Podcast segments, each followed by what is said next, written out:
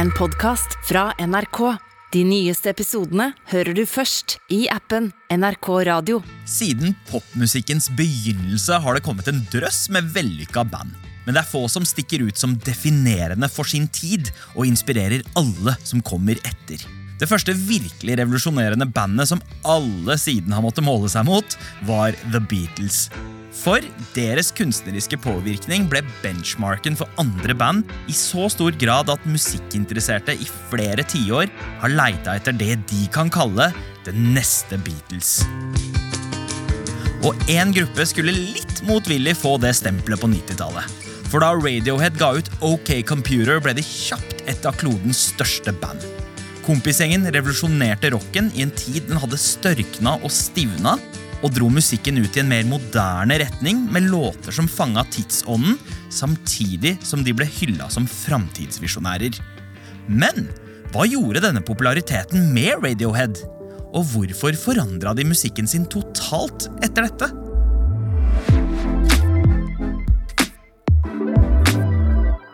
Velkommen til Musikkrommet. Jeg heter Sandeep Singh. Radiohead med Tom York i spissen er plutselig blitt superstjerner i 1997, enten de vil eller ikke. Amund Grepperød er produsent her i Musikkrommet. Bandet har hele tida blitt dratt mellom det at de ikke liker all oppmerksomheten de får gjennom suksessen sin, samtidig som de har et bekreftelsesbehov som de aller fleste mennesker har. I went shopping and I was walking out with all these bags. And this woman comes up to me, the middle-aged woman, she taps me on the shoulder and said, look, I know you don't like people coming up to you and stuff, but I have to say it's really good. You don't have to worry. It's a really good record. You don't have to worry. And then she wandered off. Tom utstråler misnøye i både musikken sin og kroppsspråket på den tida her. Noe som gjorde at den eldre dama han snakka om, kjente behovet for å trøste ham. For det albumet hun snakker om, OK Computer, gjorde jo de innadvendte rockerne til popstjerner over natta.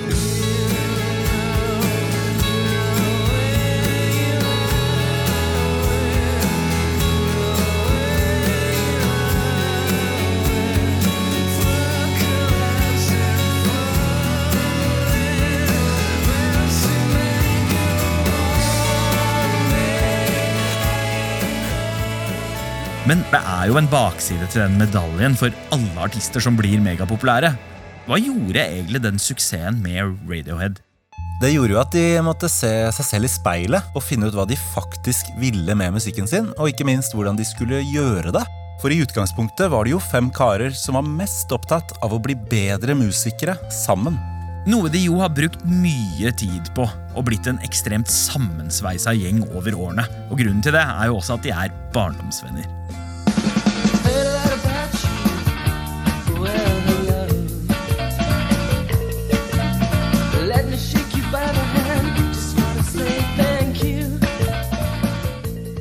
Vi er i England og i nærheten av byen Oxford på midten av 1980-tallet. På en privat internatskole møtes fem gutter. Tom York, Ed O'Brien, Phil Selway og brødrene Colin og Johnny Greenwood. De går på litt forskjellige klassetrinn, men har spilt sammen i noen år med bandet On a Friday. Som jo var dagen de møttes på musikkrommet på skolen. Men bandet tar en pause når gutta er klare for college og drar i litt forskjellige retninger. Tom er usikker på hvilken utdanning han skal velge, men får hjelp av musikken.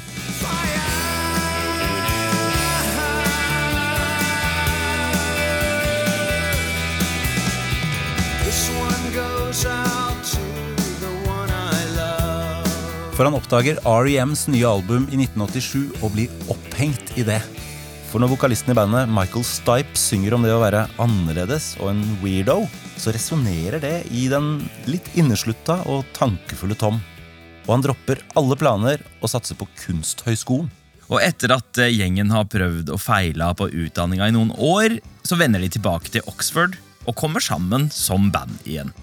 Nå er de også litt mer skjerpa, og de inspireres av den rocken som ble regna som alternativ og indie på 80-tallet, blant andre The Smiths, Pixies og Talking Heads.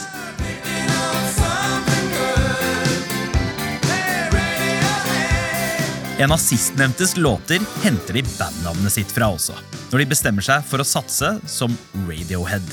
Og Tom får utløp for kreativiteten han har ønsket å vise fram siden han var barn. Ever since I was a kid, that's kind of what I've been doing. when I was five or six, I was making models out of Lego and exhibiting them on the front of the television for people to say what they thought, say how wonderful they were, and things like that. And I've kind of been doing it ever since, and I suppose I kind of need it now. So, in a sense, they're therapy because I've lived with the idea of being a creator, express myself. Without it, I'd be in the loony bin. Da de starta bandet, var det litt tilfeldig hvem som spilte hva, men etter å ha terpa og øvd, så er de blitt ganske gode. Spesielt Johnny, yngstemann og den eneste som studerte musikk, men hoppa av tre uker før eksamen for å satse på bandet. Og det tilfeldige som preger bandet til å begynne med, blir illustrert når de har fått seg platekontrakt med ærverdige EMI og skal gi ut debutsingelen. For den låta som ble valgt, var de egentlig ikke så klar for å spille inn engang. Men produsentene de jobba med den gang, overtalte dem. Så høsten 1992 gir Radiohead ut sin første singel.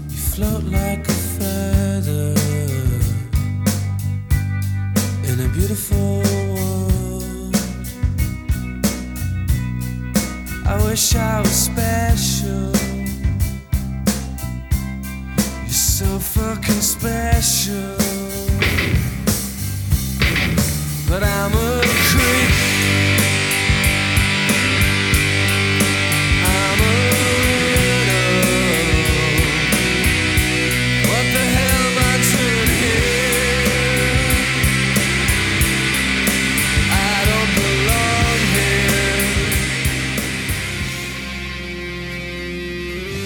Mange radio-DJs avskriver låta Creep som for depressiv. Men til sin store overraskelse opplever bandet at debutsingeren deres bygger seg opp i deler av verden. Det blir en minihit i noen land, til og med, blant annet her i Norge. Ja, jeg kjøpte den på CD-singel, det var en av mine aller første. Og utover i 1993 så er det veldig mange alternative rockekids rundt om i hele verden som gjør akkurat det samme. Ja, for Nirvana eh, og andre band har jo gjort grunge og alternativ rock ganske svært i USA. Og Radiohead blir med i den populariseringa av denne outsider-sjangeren som tar av utover på 90-tallet. Sakte, men sikkert så blir låta større og større og større, og det ferske bandet havner til og med på et like ferskt talkshow i USA. My next guests have taken self loathing and raised it to an art form. So please welcome our very first musical guests, and I really like these guys Radiohead.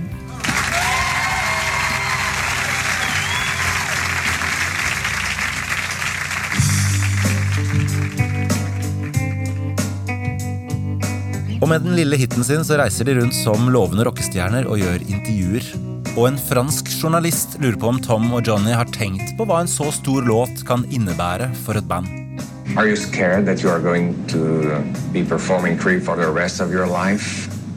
Not really, because when you write a song that's successful, in some ways it's not your song anymore.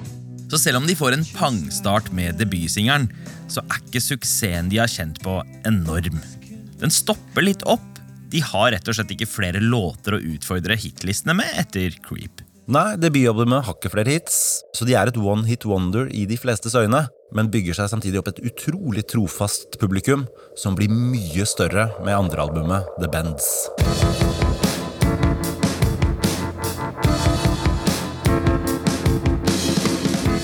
Ja, Radiohead viser seg som et seriøst bra rockeband. Altså det er angstfullt og øsende, men også sårt, med Tom Yorks stemme som blir en signatur for bandet.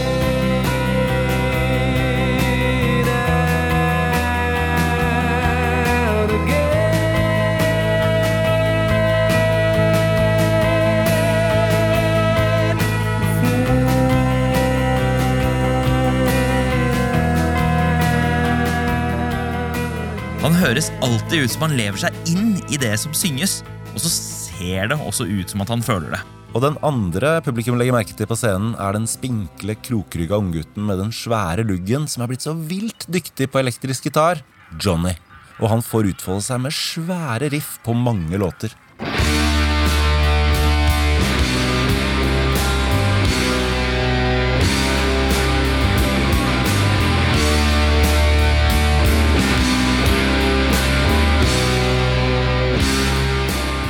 Og for å spre musikken deres og rett og slett gjøre flere folk oppmerksomme på den, så turnerer gutta mye. Veldig mye. Blant annet som oppvarmingsband for heltene i REM, hvor eh, Tom utvikler et vennskap med Michael Stipe, altså fyren som sang låta som forandra livet hans. Men selv om det fra utsida virker som at bandet gjør det bra, så er ikke tilværelsen som ferske rockestjerner noe som føles riktig. Når Radiohead kommer hjem til England høsten 1996, så er de slitne, og spesielt Tom. Han er blitt utbrent av all fartinga rundt om hele kloden. Turnévirksomheten inneholder så mange kjappe forflytninger. Man slår liksom aldri rot noe som helst sted. Og det å se verden fra busseter, det er ikke så kult i lengden. Og dette her, det tærer på ham. You do it to yourself, you do. And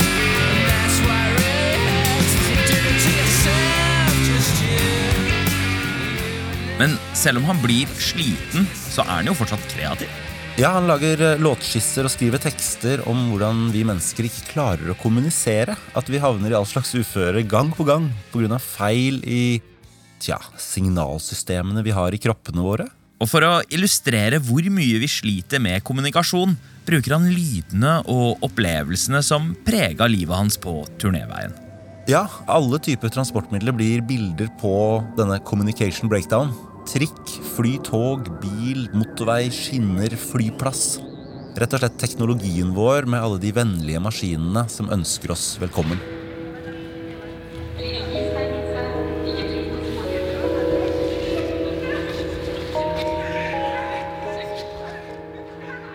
Og For å sette disse låtskistene til liv drar bandet på landet. De leier et 1800-talls slott på den britiske landsbygda, som er eid av Jane Seymour, eh, faktisk. En høyt akta britisk skuespiller og veldedighetsfigur i UK på den tida. Ikke akkurat ei dame en ser for seg at vil ha et semipopulært rockeband løpende rundt på eiendommen sin. Men så er jo ikke Radiohead et så veldig rock'n'rollete band heller, da. De kler ballsaler med tepper og stuer de fulle av forsterkere, ledninger og instrumenter og jobber iherdig og lenge for å skru sammen et album som det er klart allerede på dette stadiet at skiller seg ganske kraftig fra forgjengerne. Og det femhoda trollet har nærmest blitt et sekshoda troll, for de har fått med produsenten Nigel Godrich her for eh, første gang, og de har funnet tonen med en. Sammen bruker de massevis av nyskapende teknikker for å mikse lyden av det tradisjonelle rockebandet med Nigels støy fra både analoge tapes og digitale loops. Det blir svære harmonier og atmosfæriske lydlandskap blanda med det kalde de finner i datamaskinene og instrumentene. Og de er inspirert av veldig mye. Alt fra filmkomponisten Ennio Morricone til den vanskeligste jazzen til Miles Davis. Og så henter de en del fra litteraturen. A Hitchhiker's Guide to the Galaxy. Right, computer. I want full manual control of this ship now. You got it. But can you fly her? Albumtittelen tar de fra en av de tidlige filmatiseringene av den sci-fi-boka. Okay, computer, activate the manual consoles. Sure thing. Good luck, guys. Og den britiske science fiction-klassikeren inspirerer mer enn tittelen. En deprimert robot fra boka, nemlig Marvin the Paranoid Android, gir også navn til førstesingeren fra OK Computer. This could you stop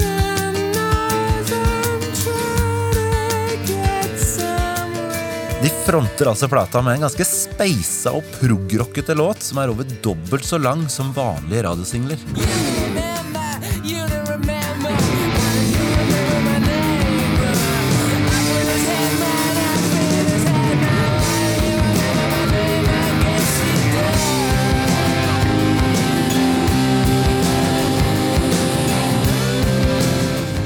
Og det her er starten på en gigasuksess.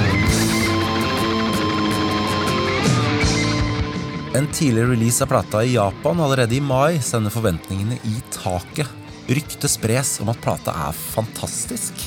Og dette er jo selvfølgelig lenge før musikk er tilgjengelig på nettet eh, på samme måte som i dag. Så folk i hjemlandet og resten av verden må vente helt til 16. juni 1997 før OK Computer endelig kommer ut.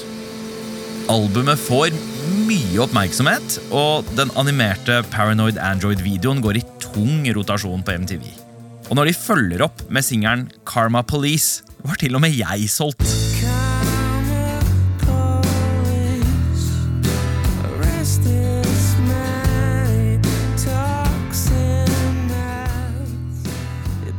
Og det er en ganske annen greie Radiohead driver med på dette albumet. her. Mange henger seg opp i at bandet har gått i en totalt annen retning enn tidligere. De hylende rockegitarene har måttet vike litt for mer dvelende og forsiktige, men også storslåtte og filmatiske låter. Og de fanger tidsånden på slutten av 90-tallet perfekt. Fitter, happier, more productive, comfortable, not drinking too much, regular exercise at the gym, Og låta de egentlig hadde tenkt å starte hele albumet med, er den som høres mest ut som den framtida folk så for seg med all teknologien, hvor selvhjelpsord blir fremført sarkastisk av en datamaskin.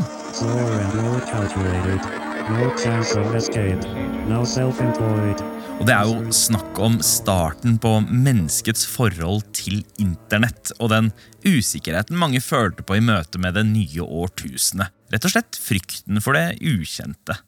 Og dette høres av mange sommeren 1997. Det blir ekstremt gode anmeldelser som bygger opp hypen rundt bandet. Platekjøperne strømmer til butikkene, og albumet det fyker rett til topps på salgslista i hjemlandet. Det blir Radioheads første nummer én. Men ikke nok med det, den får også umiddelbart status som klassiker, og blir til og med omtalt som 90-tallets viktigste plate. Store ord.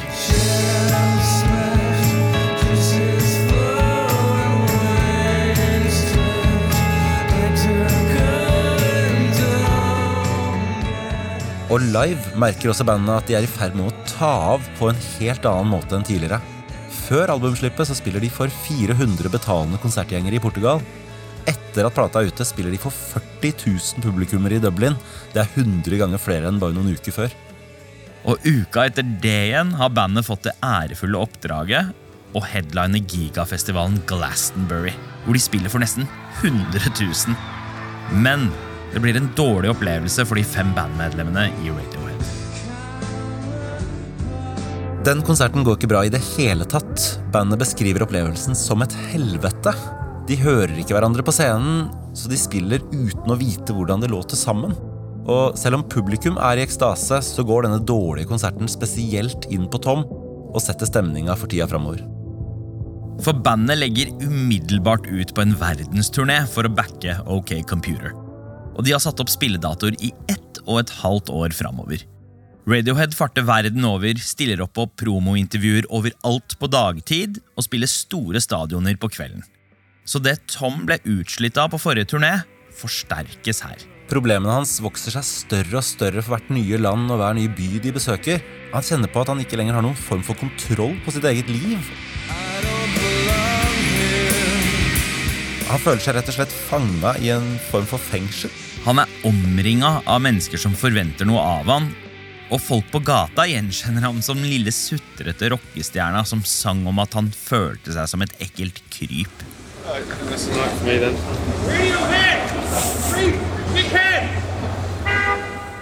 Den største hiten deres blir hylt etter ham som et skjellsord.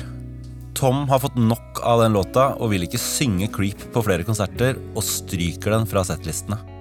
Og senere i 1998 så vil Tom hoppe av hele turneen. Han vil droppe resten av datoene og dra hjem. We did a lot of touring. Yeah, we did a lot of touring. I was I was finished when um, we did Glastonbury, and then a year and a half later we were still going. And I kept saying, you know, every other day, I don't want to do this. Han har stadig tilbakevendende tanker om eh, bandets tilværelse som et ekstremt populært rockeband, og sin egen rolle i det. Og tankene gjør at han ser seg selv som en klovn i et sirkus, og hver nye konsert med spotlighten i trynet gjør det bare verre, helt til noe snapper inni ham.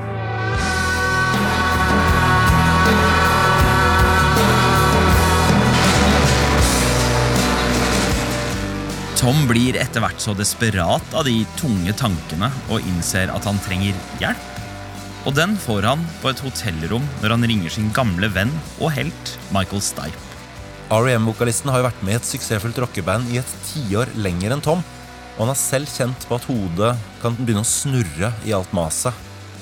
Så når Tom sier at han ikke takler det, og at han vil gi opp, så sier Michael til ham at hver gang han kjenner på den følelsen, og at veggene begynner å krype nærmere, så skal han rulle ned blendegardinene og gjenta ordene I'm not here, this isn't really happening, om og om igjen, hver gang. Selvhjelp blant rockestjerner, altså. Og Tom tar med seg rådet på resten av turneen. Og ikke bare det, han begynner etter hvert å synge ordene. Og det fanges på et kamera av et dokumentarfilmcrew på soundcheck før en Radiohead-konsert i Paris.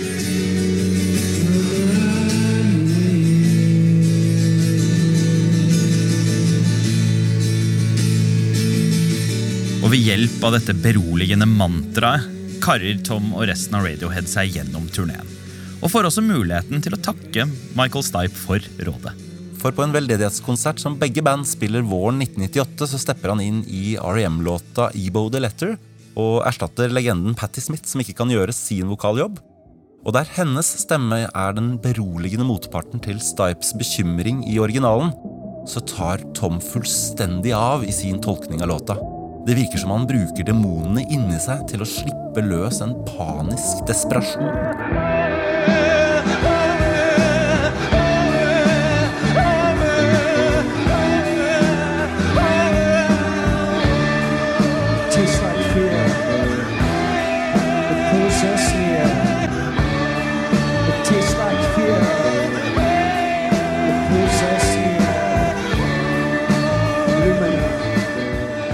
Det er tydelig at Tom og Radiohead er utkjørt, men de må gjøre en siste innsats før turneen er ferdig. Samme helg som støttekonserten må de nok en gang stille opp i blitsregn når de vinner Grammy for årets alternative album. Etter dette gjør Radiohead ferdig turneen, kommer hjem og reiser hvert til sitt for en stund. Hjemme igjen alene begynner Tom å reflektere rundt det han har kjent på lenge. Han sliter. Han hater hva han og bandet har endt opp som, og føler at de er fanga i en felle, at de må følge en formel som de ikke kan bestemme over selv. Because it sucks. Fucking rock music sucks, man. I hate it. I'm just so fucking bored of it. I hate it. Fucking waste of time. It's not really the music. It's not. It's not sitting on a stage playing guitar um, or, drums and singing. That, that's not what I'm talking about. What I'm talking about is all the mythology that goes with it. I have a real fucking problem with that.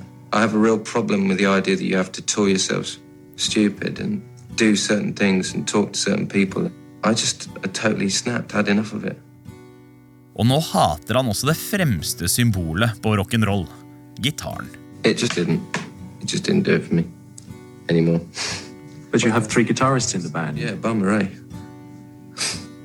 Og som om ikke det er nok negativitet, så har han også mista evnen til å skrive tekster. Han får ikke ut ordene som før. Han har fått skrivesperre. Two years writing block. It's like losing someone you love. It was a mess. Really bad mess. Personally. Because basically I'd find myself in a place that I didn't want to be and didn't recognize myself.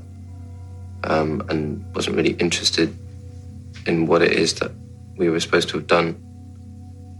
Uh, didn't really have uh, much to hold on to, really, in any way. Og det er det mange kreative som kan oppleve, at eh, flyten plutselig stopper. Og da er det ikke alltid så lett å finne den igjen. Men i 1999 prøver Radiohead allikevel. Tom har bestemt seg for å gjøre noe drastisk med situasjonen til bandet. Hvis det ikke funker å lage musikk på den gamle måten, så må de teste noen helt nye metoder. Han innfører da dogmer, altså regler. Ut med alle gitarer. Alle må lære noe de ikke kan. Og så proklamerer han at hovedregelen for det nye prosjektet deres er at melodi er ut, og rytme er den nye kongen.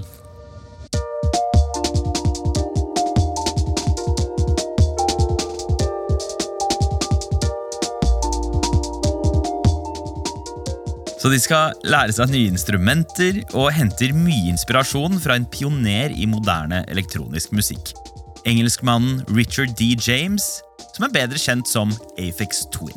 Much more into the electronica stuff like Aphex Twin and lots of stuff on Warp. And, I always regretted that we somehow, in deciding to be a rock band or whatever it was, and tour ourselves stupid and turn into little monsters, it, we'd, we'd lost the chance of ever being able to get into that sort of music. And I, that was like a big regret for me because I didn't see it as any different from rock music. From, from where I'm sat, it's no different. If it's good, it's good sort of thing, and it's got the same sort of fuck me attitude when it's good. Tom har siden Creep tok av for seks år siden følt at de gikk glipp av noe stort. Nemlig utviklinga til den elektroniske musikken som foregikk hjemme i UK mens de turnerte verden rundt. Men bedre sent enn aldri, da. Radiohead kjøper en haug med instrumenter de aldri har brukt før, og bruker mye tid på å sette seg inn i dem. De må lese bruksanvisninger og manualer for å kunne lage sin nye musikk, og starter på en måte på scratch. Og flere av medlemmene og produsent Godrich er svært usikre på hva det er de driver med. Og den forsterkes av at Tom ikke kommuniserer spesielt godt hva han har tenkt at de skal gjøre. Flere fomler så mye med sine nye oppgaver i bandet at de vurderer å forlate det. Men yngstemann Johnny, som jo har rukket å bli en gitargud de siste ti åra, er kanskje den som takler utfordringen aller best. Han vender tilbake til det han lærte da han studerte, og begynner å skrive klassiske komposisjoner. I tillegg så graver han fram en museumsgjenstand av et instrument fra den tidligste elektroniske musikkens utvikling, som han begynner å prøve å mestre. Og Tom selv bytter ut gitarene med piano. I started playing the piano. I'm a terrible piano player, so that was kind of good. So everything was a novelty. And I wrote a lot of stuff on piano. Badly. but it's good. I mean, in a way, the less you know about an instrument, the more you get excited about it, I think. Men han sliter fortsatt med ordene. De har proppa seg fast inni ham et sted, men i jakten på løsningen finner han fram en favorittplate fra gamle helter.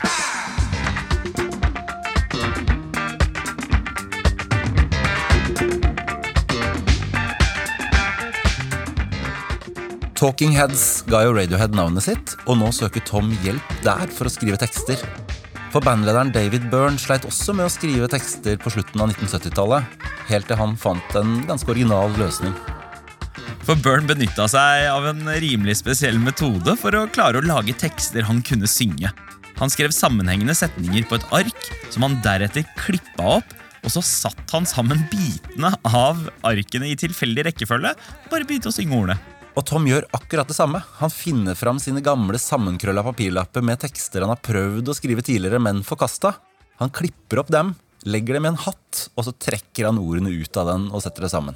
And that was really cool because what it did was that I managed to preserve whatever emotions were in the original writing of the words, but in a way that it's like not, I'm not trying to emote because the words just part what's going on. Og med det løsner det sakte, men sikkert. Et år etter at de kom i gang, har de blitt venner med de nye elektroniske instrumentene sine, og funnet en ny måte å lage musikk på som låter annerledes enn før. Men de kjenner på en nervøsitet, for de har jo brukt ti år på å bli eksperter på det gitarbaserte soundet sitt, og da er det naturlig å tenke seg at de kanskje ikke er helt trygge på den nye lyden sin. Og gir ikke ut en eneste singel før den nye musikken kommer samla på album. I løpet av et halvt år, høsten 2000 og våren 2001, kommer to album med musikk som både overrasker og splitter musikkverdenen.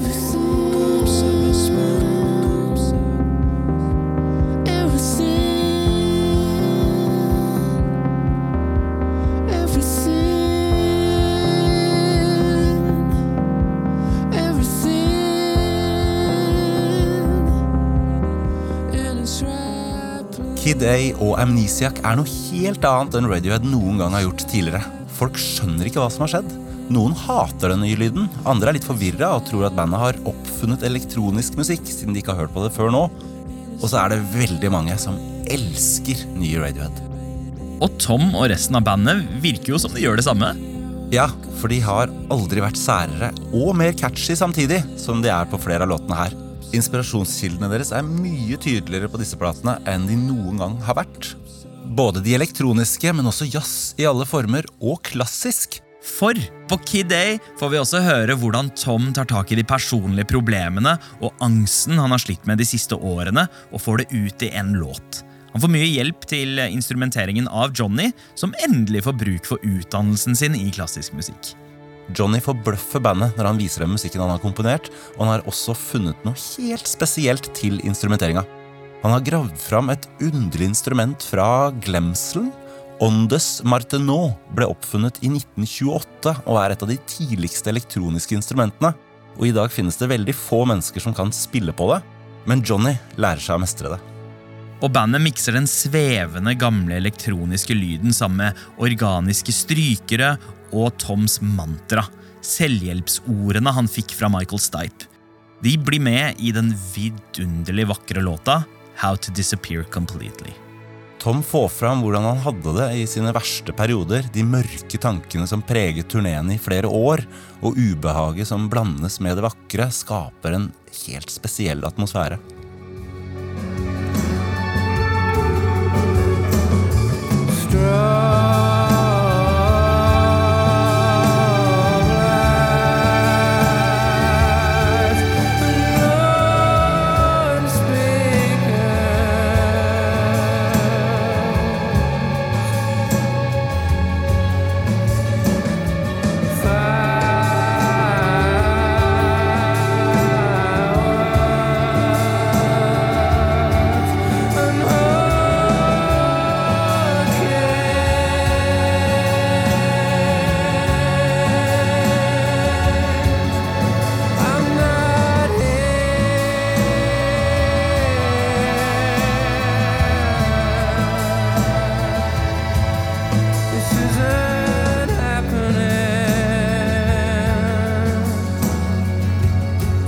Platene så snur bandet opp ned på alt. Og det er det som skal til for at Radiohead endelig treffer nummer én i USA. Med denne og alle de andre nye låtene er det mange som ønsker å se bandet spille live igjen i det nye årtusenet.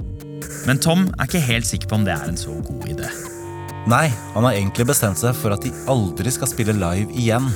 Men når resten av bandet foreslår å gjøre det til en spesiell greie, og vil leie sitt eget sirkustelt så de har full kontroll på konsertene sine selv, blir han litt motvillig med.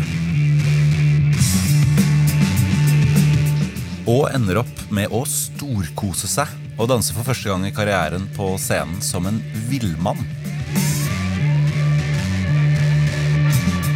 Så suksessen de hadde med den legendariske OK Computer, holdt rett og slett på å fucke opp hele Radiohead. For det heftige turnélivet, populariteten med folk som gjenkjente dem på gata, og hele det konseptet med å skulle tjene penger for plateselskapet, ble for mye for disse litt nerdete kunstnerne. Men de lærte at blanke ark og fargestifter til noen ganger kan være løsningen når man møter veggen. Og så var det jo viktig for bandet å kunne fri seg fra plateselskapet og managementets press om å turnere så mye. Eh, De har liksom endt opp som det indie-bandet som fikk så stor suksess med musikken at de klarte å bli independent på ekte og kunne gjøre akkurat som de ville. De kunne kontrollere mye mer utover 2000-tallet og bruke den tida de ønska og trengte for å kunne utvikle seg i sitt tempo. Og selv på de mer gitarbaserte bandlåtene de har drevet med etter den elektroniske renessansen deres, så låter det jo enda tightere som band.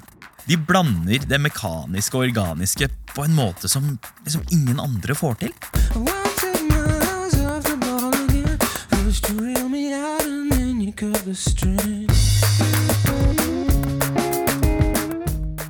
Og med litt færre konserter så får de også mer overskudd til å drive med alt det andre som de har lyst til å gjøre. Ja, Johnny har jo blitt en ettertrakta og prisvinnende filmkomponist. Og Tom fikk utløp for egne ideer med soloalbum, og tok den spastiske dansinga han begynte med på starten av 2000-tallet, og endte opp med å bli ganske seriøs og dyktig innen moderne dans. Som han fikk vist fram i en nydelig liten kortfilm med stjerneregissør Paul Thomas Anderson bak kamera. Og det er positivitet i større grad enn før i tida for Radiohead. Selv om det er seks år siden forrige album, har det jo på en måte gjennomstått nylig som en trio, der Tom, Johnny og produsent Nigel kaller seg for The Smile. Et band de eh, besøkte Norge med i mai.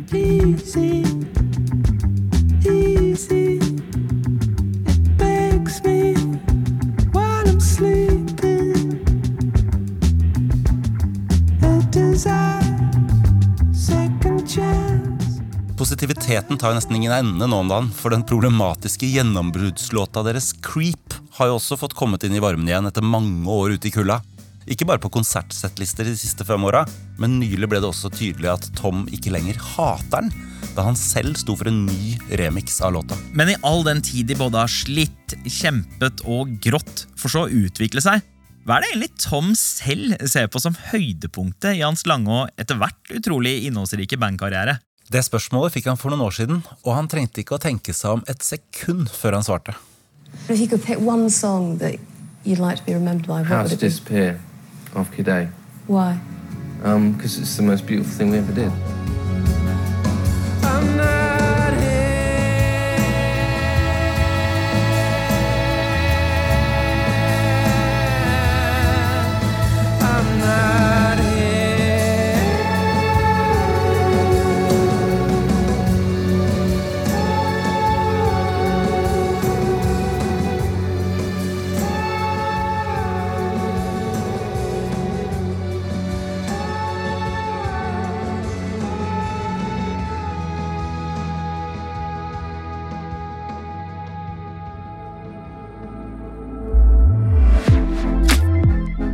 Du har hørt en episode av Musikkrommet. Hvis du likte det du hørte, anbefal oss gjerne til en venn.